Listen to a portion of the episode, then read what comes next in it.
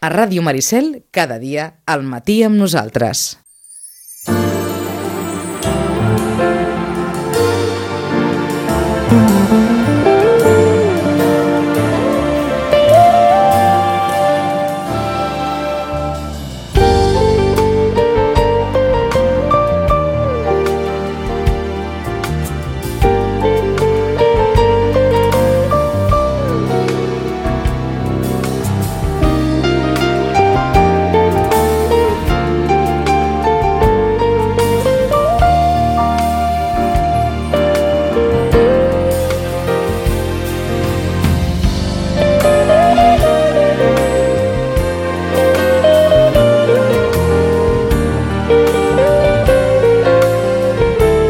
Doncs eh, comencem amb eh, la companyia, com sempre, d'en Joaquim Millan d'Eurolocal. Joaquim, bon dia. Molt bon dia. Eh, passat una, una setmana hem pogut reposar una mica eh, aquests resultats, tot i que doncs, l'actualitat la, política ens està conduint cap, a, cap als pactes, als ajuntaments i, i al final el que en el darrer que es pensa és en, és en Europa ara mateix sí, correcte, perquè, correcte. perquè doncs, eh, la, diguem, la, la urgència política se situa en altres llocs i fins i tot en tribunals però eh, sí que hi ha hagut doncs, eh, un petit bluff que és l'intent d'acreditació de Carles Puigdemont i tot el que va portar al darrere, en el que probablement és la primera sèrie d'una d'una aventura que veurem on acaba. Bueno, és allò que diuen, el, el, the show is coming, no? Vull dir que tenim ara eh, pues una, altra, una altra fase.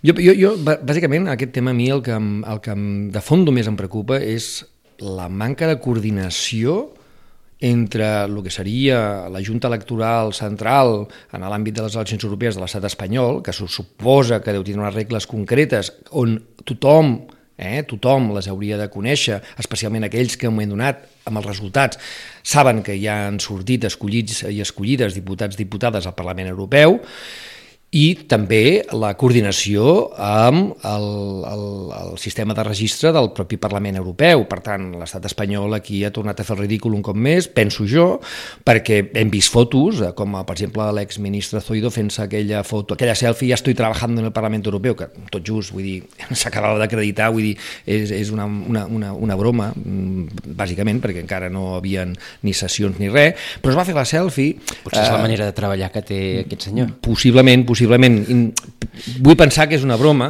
també diré una broma que després ha costat el que a un donat ens plantegem que una persona com un exministre, que no estem parlant de qualsevol... I eh? jutge de carrera. Eh, I jutge de carrera, um, si sabia que les regles de la Junta Electoral Central eren unes altres, que, que, no, que no permetien l'acreditació si no havia un tràmit previ, que és el que després sembla ser que ha sorgit, que s'hauria de recollir, hauria, havia d'acatar-se la Constitució, o exactament ens hem perdut perquè ja no sabem exactament quin és el punt en el qual eh, resulta que el Parlament Europeu va tindre que ara tirem enrere, tirem acreditacions, mm, el senyor senyor Puigdemont, que ara sí que sembla que va poder entrar però no es va poder acreditar, no sabem massa bé.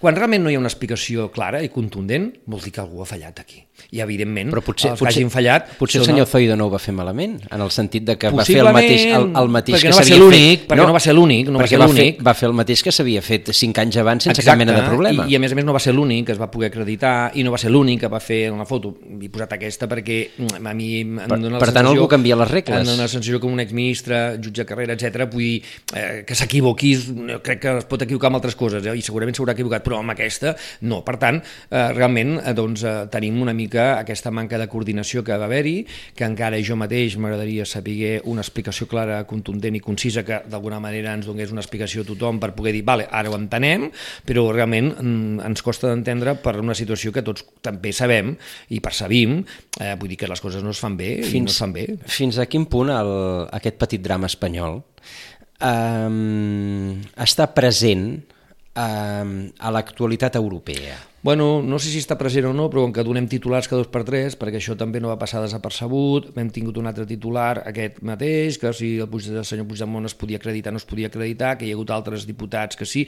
aquests diputats estan també amb altres grups, en famílies europees, que pregunten bueno, exactament què està passant, perquè tu et pots acreditar, perquè ara aquest senyor no, ara resulta que no es podia haver acreditat a ningú, això ho dona a entendre bueno, doncs, quin sistema teniu a l'estat espanyol que no funciona, perquè realment, doncs, com tu deies molt bé, fa cinc anys aquí no va haver-hi cap problema, tothom va fer el que tenia que fer, tothom sabia el procediment i no va haver-hi cap problema. Per tant, no, no és que sigui molt, no, sigui, no és que sigui aquest tema un tema que estigui cada dia sobre la taula, però sí és que els estem donant titulars nosaltres, llavors doncs és un problema perquè evidentment acaba sent a conversa encara que sigui de cafè, no? la gent acaba, acaba parlant i per tant, eh, doncs, eh, temes tan senzills com aquest que hagués pogut resoldre molt abans, doncs acaben sent eh, doncs situacions d'aquest tipus una mica còmiques, amb algun punt, unes altres dramàtiques, perquè evidentment vol dir que si un senyor es pot acreditar i un altre no, per què? Llavors a partir d'aquí el que estàs fent és d'alguna manera eh, uns tenen dret i uns altres no, és això o no és això? Per tant, a mi el que em sap greu és que una institució com el Parlament Europeu s'hagi vist involucrada per una manca de coordinació i una manca de, de, de, de, de, de prendre la, de, de legalitat del que seria el procediment, on en un moment donat sembla ser que no, no, no, no, la gent desconeixia, però ja no dic si existia o no, però la gent desconeixia perquè va passar el que va passar. Jo fins ara no he tingut una resposta clara, contundent i concisa que m'hagi dit, vale, mm, me la crec i per tant el problema va ser aquest Mm, mm, és que cadascú explica una part de la... o millor dit, una part, una versió que tu, eh, a ciutadà i ciutadana, has d'acabar juntant versions per poder interpretar exactament què va passar, no? Uh, introduïm en aquest punt de la conversa una, un dels nostres tertulians habituals en aquest, en aquest espai, que és el senyor Xavier Ferrer, el president del Consell uh, Català del Moviment Europeu. Senyor Ferrer, bon dia. Bon dia. Uh, com ja devíeu estar sentint a Joaquim Millan, parlàvem del temps, oi? Uh, i de, del, bé, del temps de les acreditacions, podríem dir. Uh, sí, sí. perquè doncs, s'ha convertit tot plegat en una mica de joc de dits barats, no? Bé, bueno, a veure, les eleccions europees és, és molt, es poden comentar i donen molta més informació que, que el tema concret. Correcte, correcte. Sí, sí, no, no. Na, na, jo, jo, jo, jo, jo diria que aquí estem mm, eh, estic d'acord amb el Quim, la, no, sabem, no se sap ben bé res. Jo crec que hi ha dos, dos, dos moments.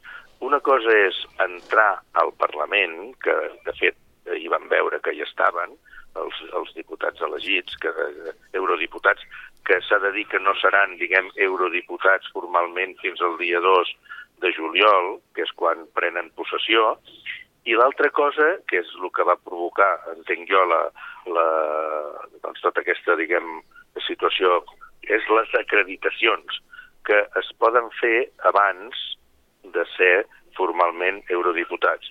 Aquest és el tema. Una cosa és l'entrada al Parlament, que jo tinc entès que sí que, no, que se'ls hi permet, eh, i l'altra és, el que es va frenar és les acreditacions. Això és el que eh? explicava ahir en una, en, en una xerrada amb periodistes eh, Jaume Duc, que, mm. que és un dels representants, o el principal representant, el portaveu, el portaveu, portaveu del Parlament Europeu, eh, en una xerrada a Barcelona que ell, a, a preguntes eh, doncs en aquella tertúlia que es va fer, mm, ell deia que no s'havia impedit l'accés, sinó simplement s'havia impedit l'acreditació. Sí, bueno, doncs jo, o sigui, és el que, el que vinc a dir jo. Sí. Uh -huh. jo, entenc, jo entenc que també és així, sí, sí. El, el, el, el problema és perquè alguns es van poder acreditar i uns altres no, que aquest és el bueno, punt on ja comencem a... Aquí, vale, aquí està el, el tema. Llavors es, va, es va segons sembla, prendre la decisió salomònica de dir, doncs ara ningú. Eh? El trist de tot això és que, que, que persones que han de ser euro, o són eurodiputats perquè els han votat els ciutadans europeus o una part dels ciutadans europeus, doncs hi hagi aquesta dificultat. Ah, ah, Aquest però, és el tema. Però en aquest, en aquest sentit, eh, i ara parlarem de la, de la resta de, de situacions que ha generat aquestes eleccions europees, però una miqueta per, per anar tancant aquesta, aquesta qüestió. Eh, eh, S'entén que des d'un observador extern el fet que eh, s'hagi canviat en certa mesura la regla del joc o el, el procediment habitual d'acreditació en altres eleccions europees del, dels eurodiputats mm, pot donar pensada que, de que s'està fent per impedir mm, l'accés la, a la condició d'una persona escollida. Mm, bueno, podem pensar el que vulguem. Això quedarà resolt el dia 2 de juliol. quedarà resolt. I jo, la, la millor manera de, que, de que es resolgui és de que eh, puguin ser eurodiputats, perquè al final és el que deia el president Puigdemont, no? que diu, a mi, a mi l'acte no me l'ha de donar una formalitat administrativa, me la, dona, el, me la donen els vots. Eh?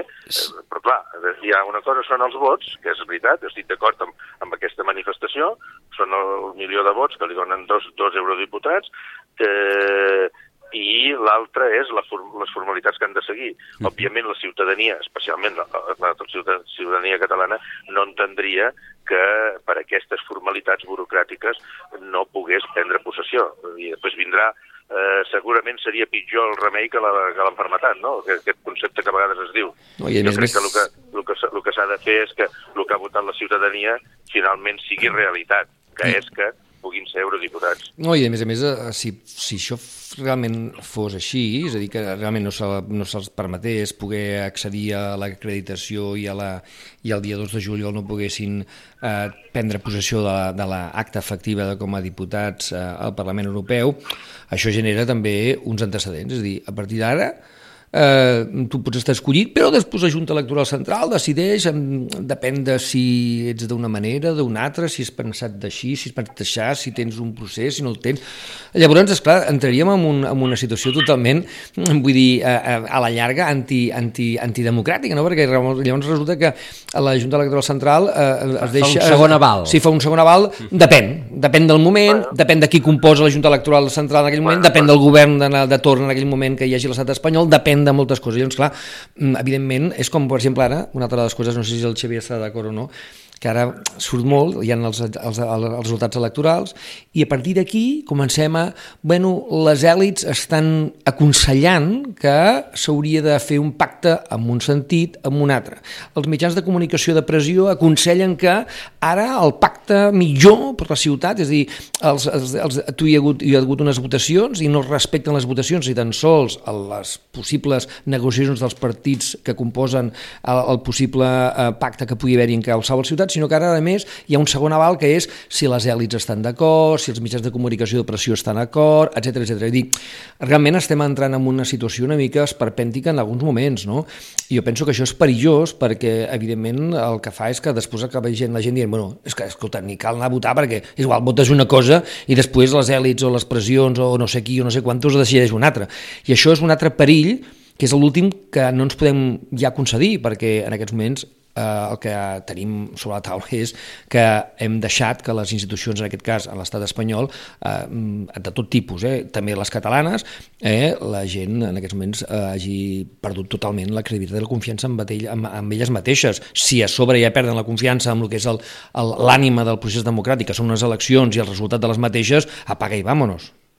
Bueno, això hem de mirar de que no passi, de que no sigui així, i de que, a veure, eh, el, els resultats són els que són, i després, evidentment, hi ha uns lobbies que, que fan la seva funció també, però que els polítics elegits doncs, haurien de ser perfectament vàlids per poder, per poder exercir els seus drets polítics. És, Aquest és el tema. És a dir, esperem que, esperem que, que, que això sigui que això possible, sigui, sí. que amb el que parlem ara, que sigui possible en el Parlament Europeu. Correcte, és a dir, que si algú es pot presentar, si algú no té un impediment legal per presentar-se, doncs que aleshores pugui exercir eh, la seva condició bueno, un cop ha estat escollit. Esperem el dia 2 de juliol i veurem com va, doncs- si no actuem... No, es- donem, no. donem una oportunitat eh, a la... A la a, no sé, a, a, a la negociació i, a, i al sentit comú, que això que, que es fa servir tantes vegades i que és el menys comú del sentit. I- no? Perquè sí, tothom, se- se- tothom se l'adopta en el seu interès. S'aplica tan poc com es, pot, eh, com es va poder veure la setmana passada. Bé, uh, senyor Ferrer, com, mm, com ha quedat, quina foto podem fer d'aquest Parlament Europeu davant dels reptes que ens plantegem per, aquesta, per aquest lustre, per aquesta legislatura? Jo, jo diria que queden... Això ho explicava jo abans d'ahir en un article que va sortir al punt avui. Uh Mhm. -huh. eh, preci- precisament, eh, jo ho definia una mica, amb, potser és una voluntat meva o un desig, és que tot això, el que ha passat, que ara explicaré, eh, hauria d'acabar més i millor a Europa. M'explico. Eh, la- els resultats del Parlament, de les eleccions del Parlament Europeu donen mm, dos, tres missatges importants, i molts més missatges. Eh? Un és de que el, com ja estava previst, els grups ma- majoritaris eh, habituals, que eren el, el, la suma del Partit Popular Europeu i del Partit Socialista Europeu, doncs eh, junts ja no són majoritaris sumant. Necessiten més eh, altres, aco altres acords per arribar en el 50%, que és bàsic per prendre eh, de determinades decisions. Quins són els altres dos grups importants que, que han crescut? Aquests dos han baixat i han crescut d'una banda els verds i també els liberals, bàsicament per l'efecte també Macron. Aquest seria una primera eh, foto del, del nou Parlament Europeu, que es necessitaran més aliances eh, i això modifica una mica les estratègies eh, que el que es necessitaven en els parlaments anteriors. I després la por que feia o que l'extrema dreta, que ja és present en els governs de nou països europeus, doncs, eh, tingués un discurs unitari que el va tenir i que pogués fer un grup també unitari dintre del Parlament Europeu i incidir en les polítiques, doncs això no s'ha no s'ha produït o no s'ha produït com desitjarien ells i això jo crec que és una sort per la democràcia a Europa. Eh, sí que ha crescut una mica, però es queden sense poder incidir en les polítiques importants del Parlament Europeu i, a més a més, amb la dificultat, tal com ha quedat, de poder fer un grup unitari per les pròpies eh, disfuncions que existeixen entre ells.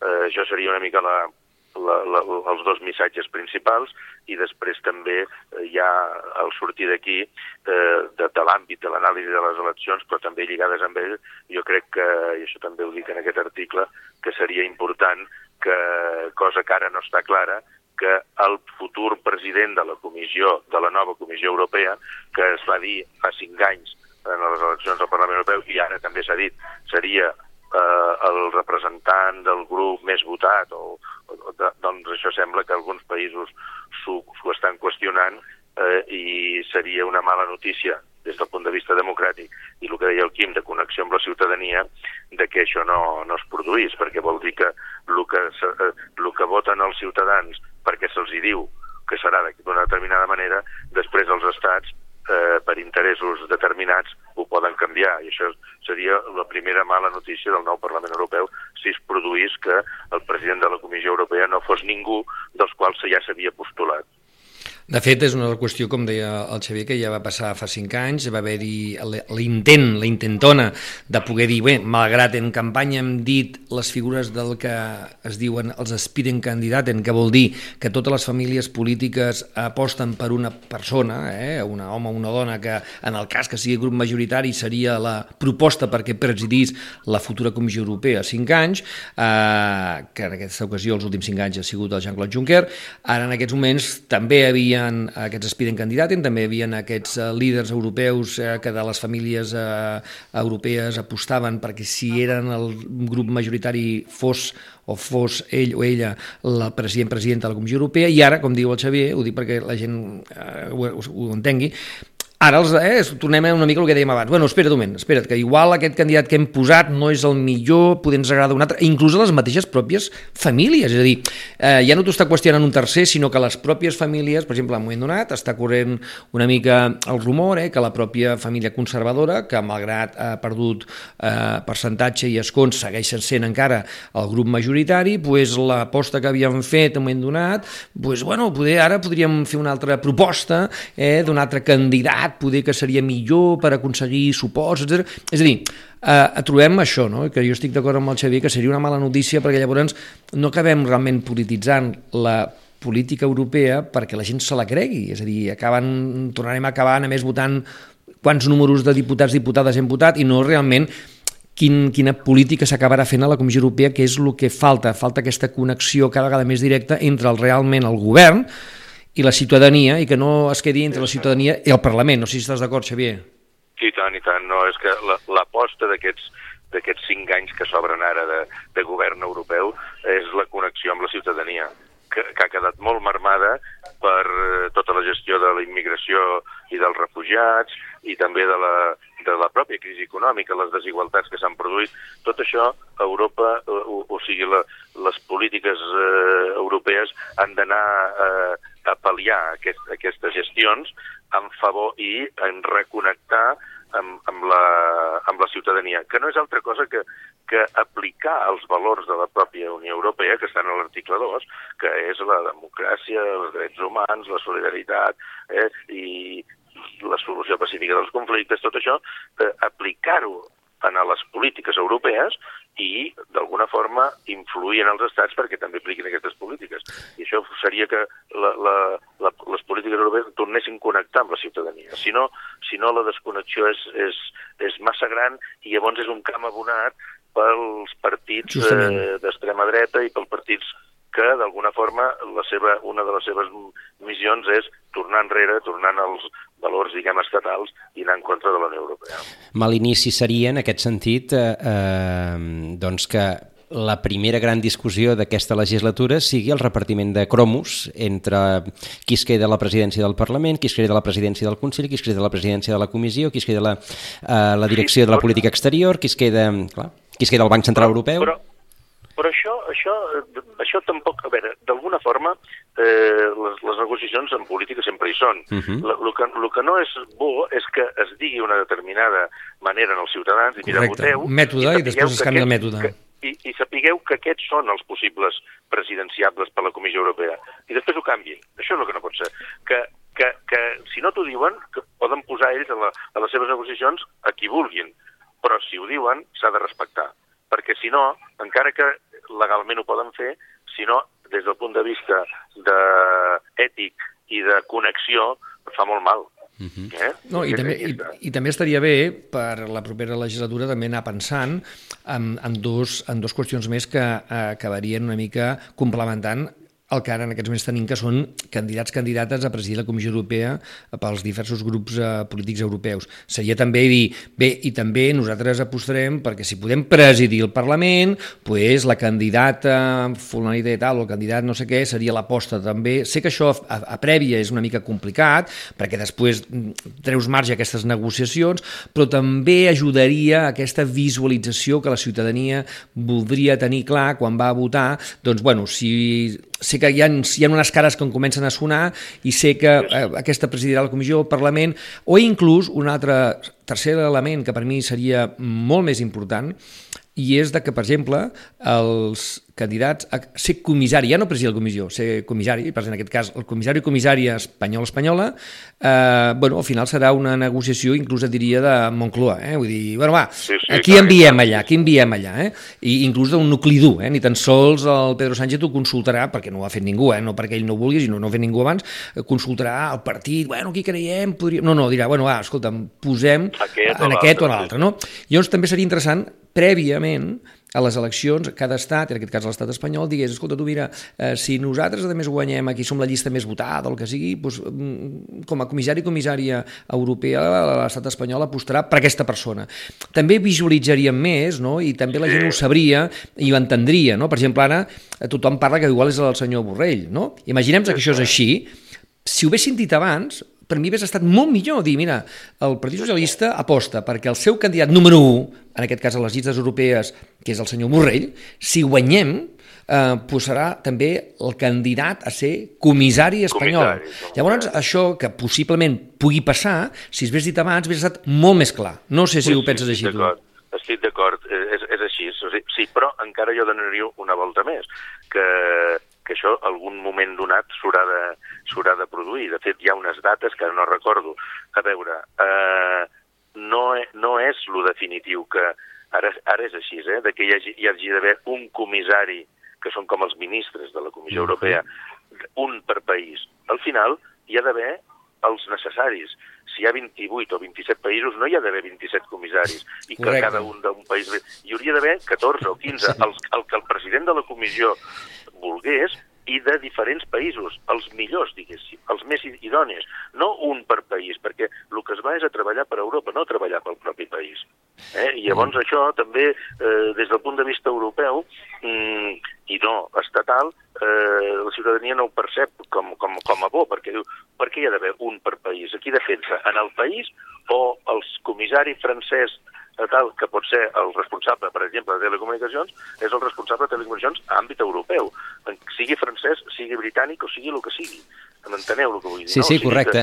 Que, que el, col·legi, el col·legi de comissaris hauria de ser el número que, que ja està previst en els tractats. El que passa que no s'acaben d'atrevir de, de posar-ho en pràctica.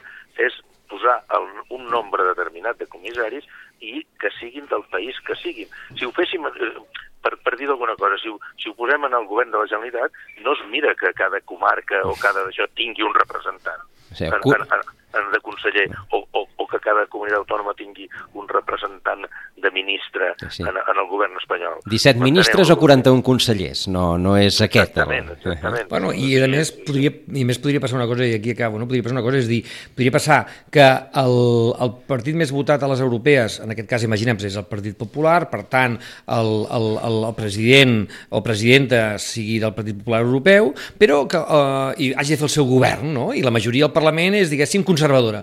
Però, com que els comissaris comissàries, que és el govern efectiu, l'envien als governs, i en aquell moment imaginem que els governs fossin majoritàriament socialistes, per posar-ho fàcil, resulta que havent-hi unes eleccions on la majoria ha sigut conservadora al Parlament Europeu, que el Parlament Europeu la majoria és conservadora i per tant el comissari ha de muntar un govern, resulta que el govern, els ministres tots són de, de l'altre partit, majoritari, perquè ens entenguem. Clar, podrien passar coses d'aquestes, llavors no s'entendria, dir, bueno, llavors a què estem votant? De fet, Eh, de fet ja passa, perquè clar, clar, els, clar, clar, clar. Els, els, comisa, eh, els comissaris són de diferents tendències polítiques, no coincideixen amb la Ah, tendència perquè els, del... els nomenen els normalment- governs de, de, de torn són, són, són de la tendència política del, del, del govern, de cada partit, de cada, de cada país. estat. Sí, de sí, cada clar. estat. Sí, sí. Doncs, doncs eh, difícil, difícil... Eh... Bueno, Europa, Europa s'està construint una, una, un govern europeu Sí. en pau, en pau. O sigui, en pau, vull dir, amb conflictes, però en pau, i això és molt complicat, perquè les sessions de sobirania i de decisions s'han de produir eh, també, diguem, amb, amb, amb, amb, amb consens, amb acord. Mhm. I això és més complicat. Eh, eh, I, per tant, és l'únic cas al món que es fa, no?, de, de que els estats vagin perdent mica en mica sobirania en favor d'un ens superior, i tot això es fa amb un escenari de pau i de democràcia. Evidentment, podem criticar-ho, podem tal, tal, i això és el que, diguem, ho fem per millorar-ho, però es fa amb aquest entorn, que no és fàcil. Eh, per Doncs- tant, eh, de fet, jo sempre a vegades dic, la Unió Europea, si no la tinguéssim, l'hauríem de crear, i ja la tenim. Millorem-la, Cert, no? això és cert, això Sí, ara, ara queda arreglar-la una miqueta, perquè se'ns Bueno, està... millorem-la, exacte. Exacte, se'ns està, se'ns està fent gran i no, no, Ja, no, no, ja, sé, ja. si- no, no sabem si està envellint bé. Uh, Sí. Uh, Xavier Ferrer, moltíssimes gràcies per, a- per aquesta estoneta. No hem parlat del Brexit, no hem tingut temps, perquè bueno, també... per, per, com vulgueu, com vulgueu en parlem. perquè també hi haurà, hi haurà teca. Quan, quan sapiguem el substitut de la Theresa May, doncs vinga, podem parlar. En podem parlar, probablement. serà un altre moment per parlar-ne. Probablement, Molt bé. Xavier, ens veiem divendres. Moltes- Una abraçada. Moltes gràcies a vosaltres. Fins aviat. Adéu, adéu.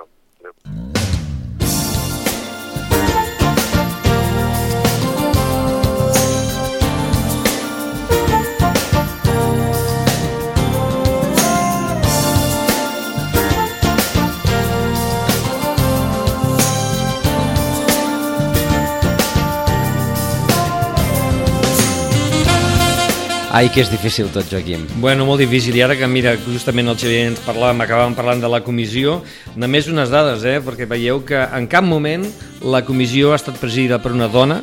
La primera dona vicepresidenta justament va ser una espanyola, va ser la Loyola de Palacio entre el 99 i el 2004. Des d'aleshores han sigut, només hi ha hagut sis vicepresidentes eh, dones, un 25%, pel 75%, 18 vicepresidents homes, fins a hores d'ara, i en les persones designades per l'estat espanyol per, presidir, per ser membres de la Comissió Europea eh, només hi ha hagut la Loyola eh, de Palacio, perquè els altres han estat sis homes, sis comissaris, un de set, a canvi d'altres estats com pot ser Finlàndia, que ha designat 8 persones, 4 dones, 4 homes, o Suècia, que per la seva part n'ha designat 3, totes elles dones. Sempre ha tingut comissàries eh, en la Comissió Europea des de que mm, Suècia és estat membre de la Unió Europea. I per últim, una dada també interessant, que possiblement després en podem parlar amb la nostra nova convidada, que és la Neus Pocielo, el conjunt de dones eh, que han que han encapçalat només el 16% de comissions, és a dir, les dones acaben tenint només unes carteres molt concretes, això ens recorda quan també teníem dones a, eh, bueno, porta benestar social, esports, etc, eh, en l'àmbit eh, més local, i per tant, per exemple, hi ha sis carteres a la, a la Comissió Europea on només hi ha hagut homes, és a dir, economia i finances, desenvolupament, ampliació, estabilitat financera, fiscalitat i relacions institucionals. Sembla ser que el nucli dur de la Unió Europea encara pensa en masculí. No sé què en pensa la nostra convidada. Doncs eh, a veure si... Eh, res, no, ja la tenim, oi, Albert? Doncs eh, saludem a, a la Neus Pociello. Ne, Neus, bon dia. Molt bon dia, Joan. La, la Neus, que és la coordinadora de la campanya FEMEU, Feminist Europe, mm, per una perspectiva feminista que a les, a les eleccions europees, eh, posa properes, eh? Amb el Properes, paper que m'has ah. enviat no són properes, són passades. Um, I membre del Consell Nacional de Dones de, de Catalunya, directora de la Fundació Aroa. Neus, veu estar uh, a Brussel·les amb en Joaquim, uh, vam intentar fer una connexió, però el vol va, va arribar tard, oi? I ho vam... Sí, aquell dia, aquell dia es veu que teníem que fer una mica de gincama. Sí, sí, sí, sí. Però en qualsevol cas, finalment hi ha hagut... Aquest... Veu tenir primera aquesta, aquestes reunions, veu poder copsar com estava la, la situació, ara hi ha hagut eh, eleccions al Parlament Europeu, per tant sabem doncs, que hi ha eurodiputats i eurodiputades i ara faltarà saber doncs, qui seran els comissaris i les comissàries i si eh, podrà avançar aquesta, mm, aquesta Europa des d'una de, des d'un altre punt de vista. Ara en Joaquim ens estava repassant les dades de, de comissaris i comissàries que hi ha hagut a la, a la història eh, d'Europa on les dones han tingut un, un paper doncs, eh, subordinat, per dir-ho per dir d'aquesta manera, una, una situació que, que es voldria canviar. Sí, tant, Joan.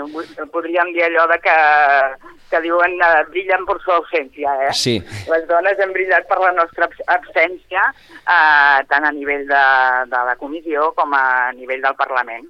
Eh, és, és evident, no sé si heu estat tractant alguna dada també no, d'aquests resultats de, en quant a la composició del Parlament Europeu, mm. que també és ben curiós que després de 10 dies encara de manera oficial el Parlament no, no ha publicat les dades de- de- d'igualtat, no? de, de paritat en aquest cas, tot i que evidentment eh, encara s'estan tancant les coses i estem veient no, aquests, aquests moviments o aquests jocs de màgia, no? com per part d'aquest partit eh, belga, no? Eh, que de repent doncs, ha, ha decidit canviar la seva llista, però sí que trobo que és del tot significatiu que no tinguem aquesta, aquesta composició al cap de 10 dies, que sí que apunta no, que serà del 39% no, en aquest nou mandat. Mhm. Per tant, hem millorat un 3%, per tant, així una miqueta fent càlculs així eh, mo, en mode pagès, diríem que potser doncs, haurem d'esperar 20 anys més no, perquè hi hagi paritat al Parlament Europeu. De, de fet, només hem comentat les, les, les dades que són oficials fins ara, les que hem tingut de les reals de la Comissió Europea, que ha estat l'última institució que hem tocat amb el, amb el convidat anterior, amb el Xavier Ferrer, i hem explicat una miqueta doncs, eh, doncs, bueno, doncs, eh, les dades que tu ja coneixes perfectament. No hem tocat les del Parlament Europeu, eh, on també, m'imagino que també alguna cosa haurem de dir eh, de quan hi hagin aquestes negociacions que s'estan produint en aquests moments, que no només es parli de les grans famílies polítiques, sinó també s'introdueixi el tema de la paritat, perquè és que si no eh, tindrem una altra vegada, eh, eh, no sé si un pas enrere, però no farem aquest pas endavant que possiblement des de Feminist Europe a Neus eh, es volia, no? Exactament, no? i de fet ara mateix doncs, estan en joc moltes coses, entre elles les que esteu dient, no? el, el tema de, dels comissaris, comissàries, qui presidirà la, la comissió, però també qui ocuparà no? aquests eh, llocs, els, els llocs principals no? de, de responsabilitat principal en la, en la comissió eh, europea, no? com podria ser doncs, el propi Consell Europeu o el Banc Central Europeu, i, i a mi, doncs, bueno, clar, evidentment tenim, tenim, partim de la base no? que ara mateix eh, que eh, aquest Consell no? està format dels, dels 28 eh, caps d'estats, doncs només n'hi ha tres que, que són dones, una d'elles és la Teresa May, vull dir que ja està una mica a mitges, i veia jo aquesta setmana no, que després de les negociacions del dimarts passat doncs, hi ha previst una, una trobada no, amb aquestes sis persones coordinadores no, que han de, han de continuar fent el treball de negociació i, clar, evidentment, els sis també són homes, no? I, comentava Donald Tusk, no? I deia, per nosaltres és una prioritat, no?, el fet de que la meitat, com a mínim, no, d'aquests llocs, diguéssim, de, de responsabilitat siguin ocupats per dones, però ficava l'afegitó no? de, de, de si és possible, no? I jo pensava, dic, bueno, si és possible, dic, serà possible si, si realment hi posem la mirada i hi ha, hi ha aquesta voluntat, no? com deies tu ara, Joaquim, no? de posar eh, per sobre, no? a part de, doncs, la- d'aquesta negociació entre les grans famílies, doncs, el tema de que hem de garantir aquesta representació mm, perquè d'aquesta manera eh, podrem tenir una institució molt més eh, justa no? I, i, i democràtica. Sí, de fet, eh, clar, crida, crida l'atenció eh, alguns, alguns aspectes eh, com per exemple que probablement des del punt de vista de formulació de discurs eh, tothom té molt clar que, que s'ha de caminar cap a la igualtat, cap a la paritat i cap a tot el que vulguem, però que després l'aplicació pràctica d'aquest discurs doncs eh, es perd bona, bona part de, del material pel camí i al final com tot han de ser negociacions entre famílies polítiques, negociacions entre països, eh, doncs eh, van desapareixent eh, aquestes candidates a ocupar diversos llocs i al final doncs això la real política acaba, acaba guanyant. Tant que sí, Joan, és que és una miqueta allò de, de, del titular, eh? Mm. De, de, de, la, de la igualtat de gènere pel titular. Aquí, aquesta vegada, eh, pràcticament eh, tots hem vist no, com tots els, els grups polítics han, han incorporat no, a dintre del, del discurs el tema de la igualtat de gènere, han, molts no, també han incorporat doncs, el tema de les llistes cremalleres, el tema de les quotes, encara pocs, eh, perquè estem parlant de que això s'ha cobert a nivell de mitjana amb tots els estats membres, amb, amb 9 països dels 28, no? Dels 28 estats membres. Però, clar, el discurs el tenim molt ben après i, i també eh, aquest, ja venim una miqueta de lluny, no? perquè aquest discurs après no? ja, ja l'hem vist també en el, en el darrer mandat, no? on sí que hi ha hagut doncs, bé, més o menys no?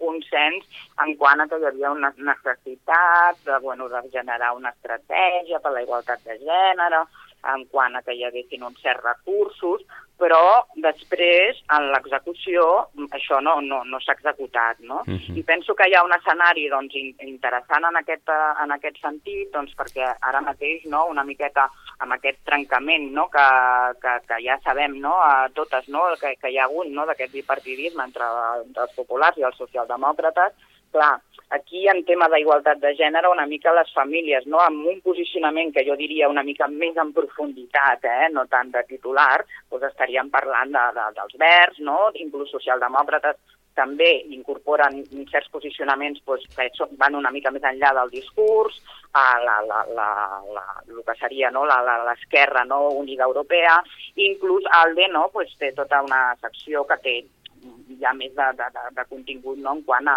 a, la, a la igualtat de gènere i per tant serien famílies amb, amb un posicionament més clar. I hi ha aquest joc no? de, de, de veure, no? a veure no? com es faran aquestes aliances, si realment aquestes aliances eh, portaran no? a que aquesta pèrdua una mica de força no? del, del, del Partit Popular, necessitat no? de, de fer una aliança amb algun d'aquests aquestes famílies no, que tinguin un posicionament més clar, realment ens portaran al concret no, a que s'executi, no? que aquestes, penso jo, no? directives eh, que ja hi ha no? s'acabin d'executar de, de, no? amb una direcció més clara i que en tema igualtat de gènere per mi també va més enllà, no? perquè la mirada feminista eh, també té molta incidència amb tot el, el que són no? la, les polítiques socials, eh, amb tot el que és l'enfocament, el posicionament a nivell de treball, a nivell d'economia, de, no? Per tant, hem vist no, grans majories, grans acords en aquests, uh, en aquests àmbits, però que realment el, el discurs no, no, no era progressiu, era més aviat uh, conservador. No?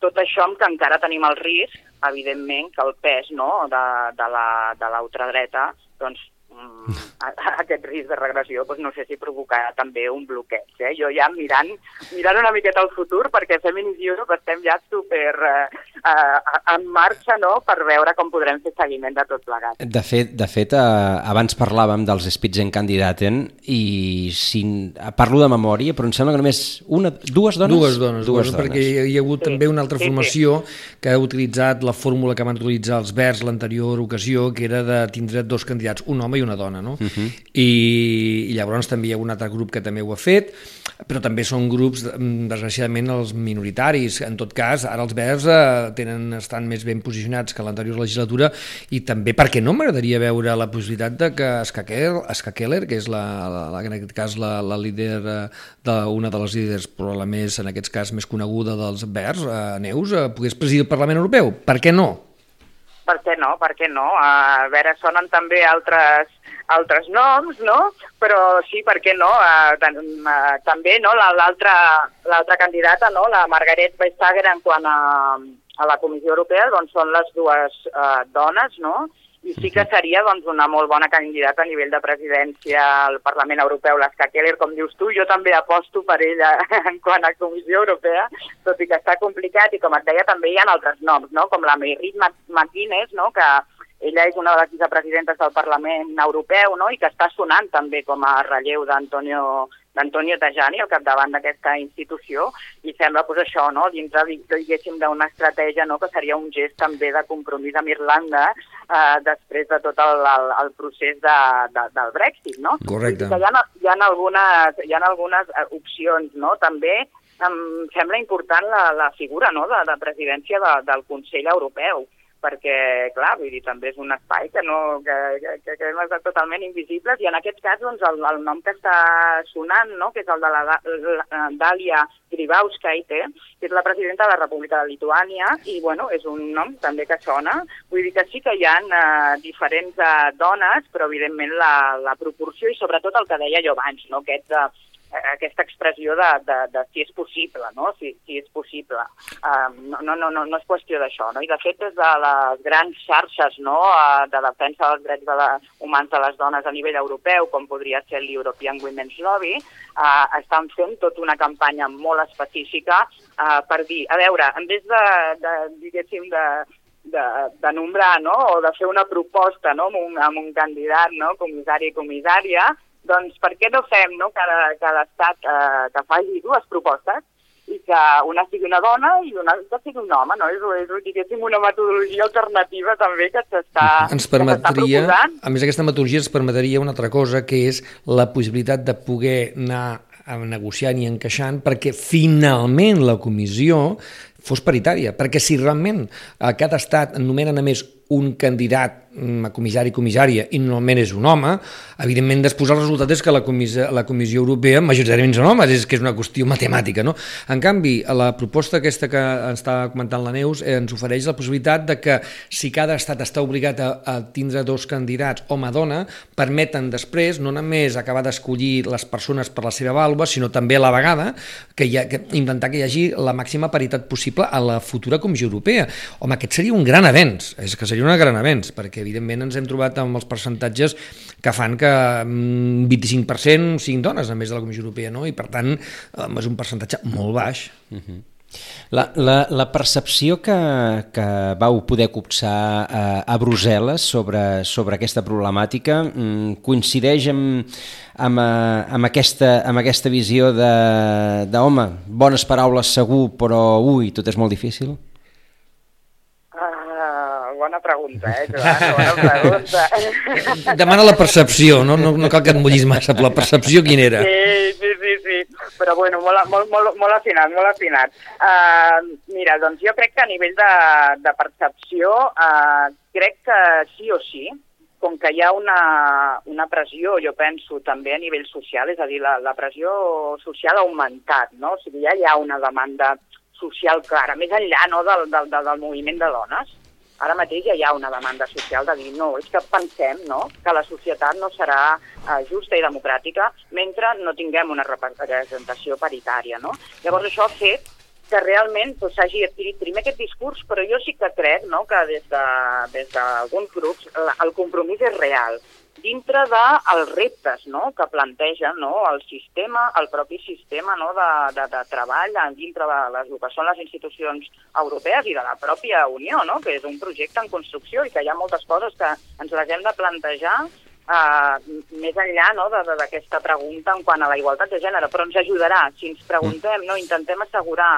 uh, la igualtat de gènere, jo penso que ens ajudarà a que sigui un mecanisme realment centrat en les persones, eh, realment que no ens trobem en situacions no? com amb aquesta superaltíssima participació, és a dir, que la gent està dient sí, m'ho crec, no? Eh, soc una ciutadana europea i crec que hi puc votar no? i que, tinc, el meu vot tindrà una influència i, i, i volem canviar les coses, per tant hem participat més i per tant aquesta Europa té que ser més propera a la ciutadania. Doncs, I...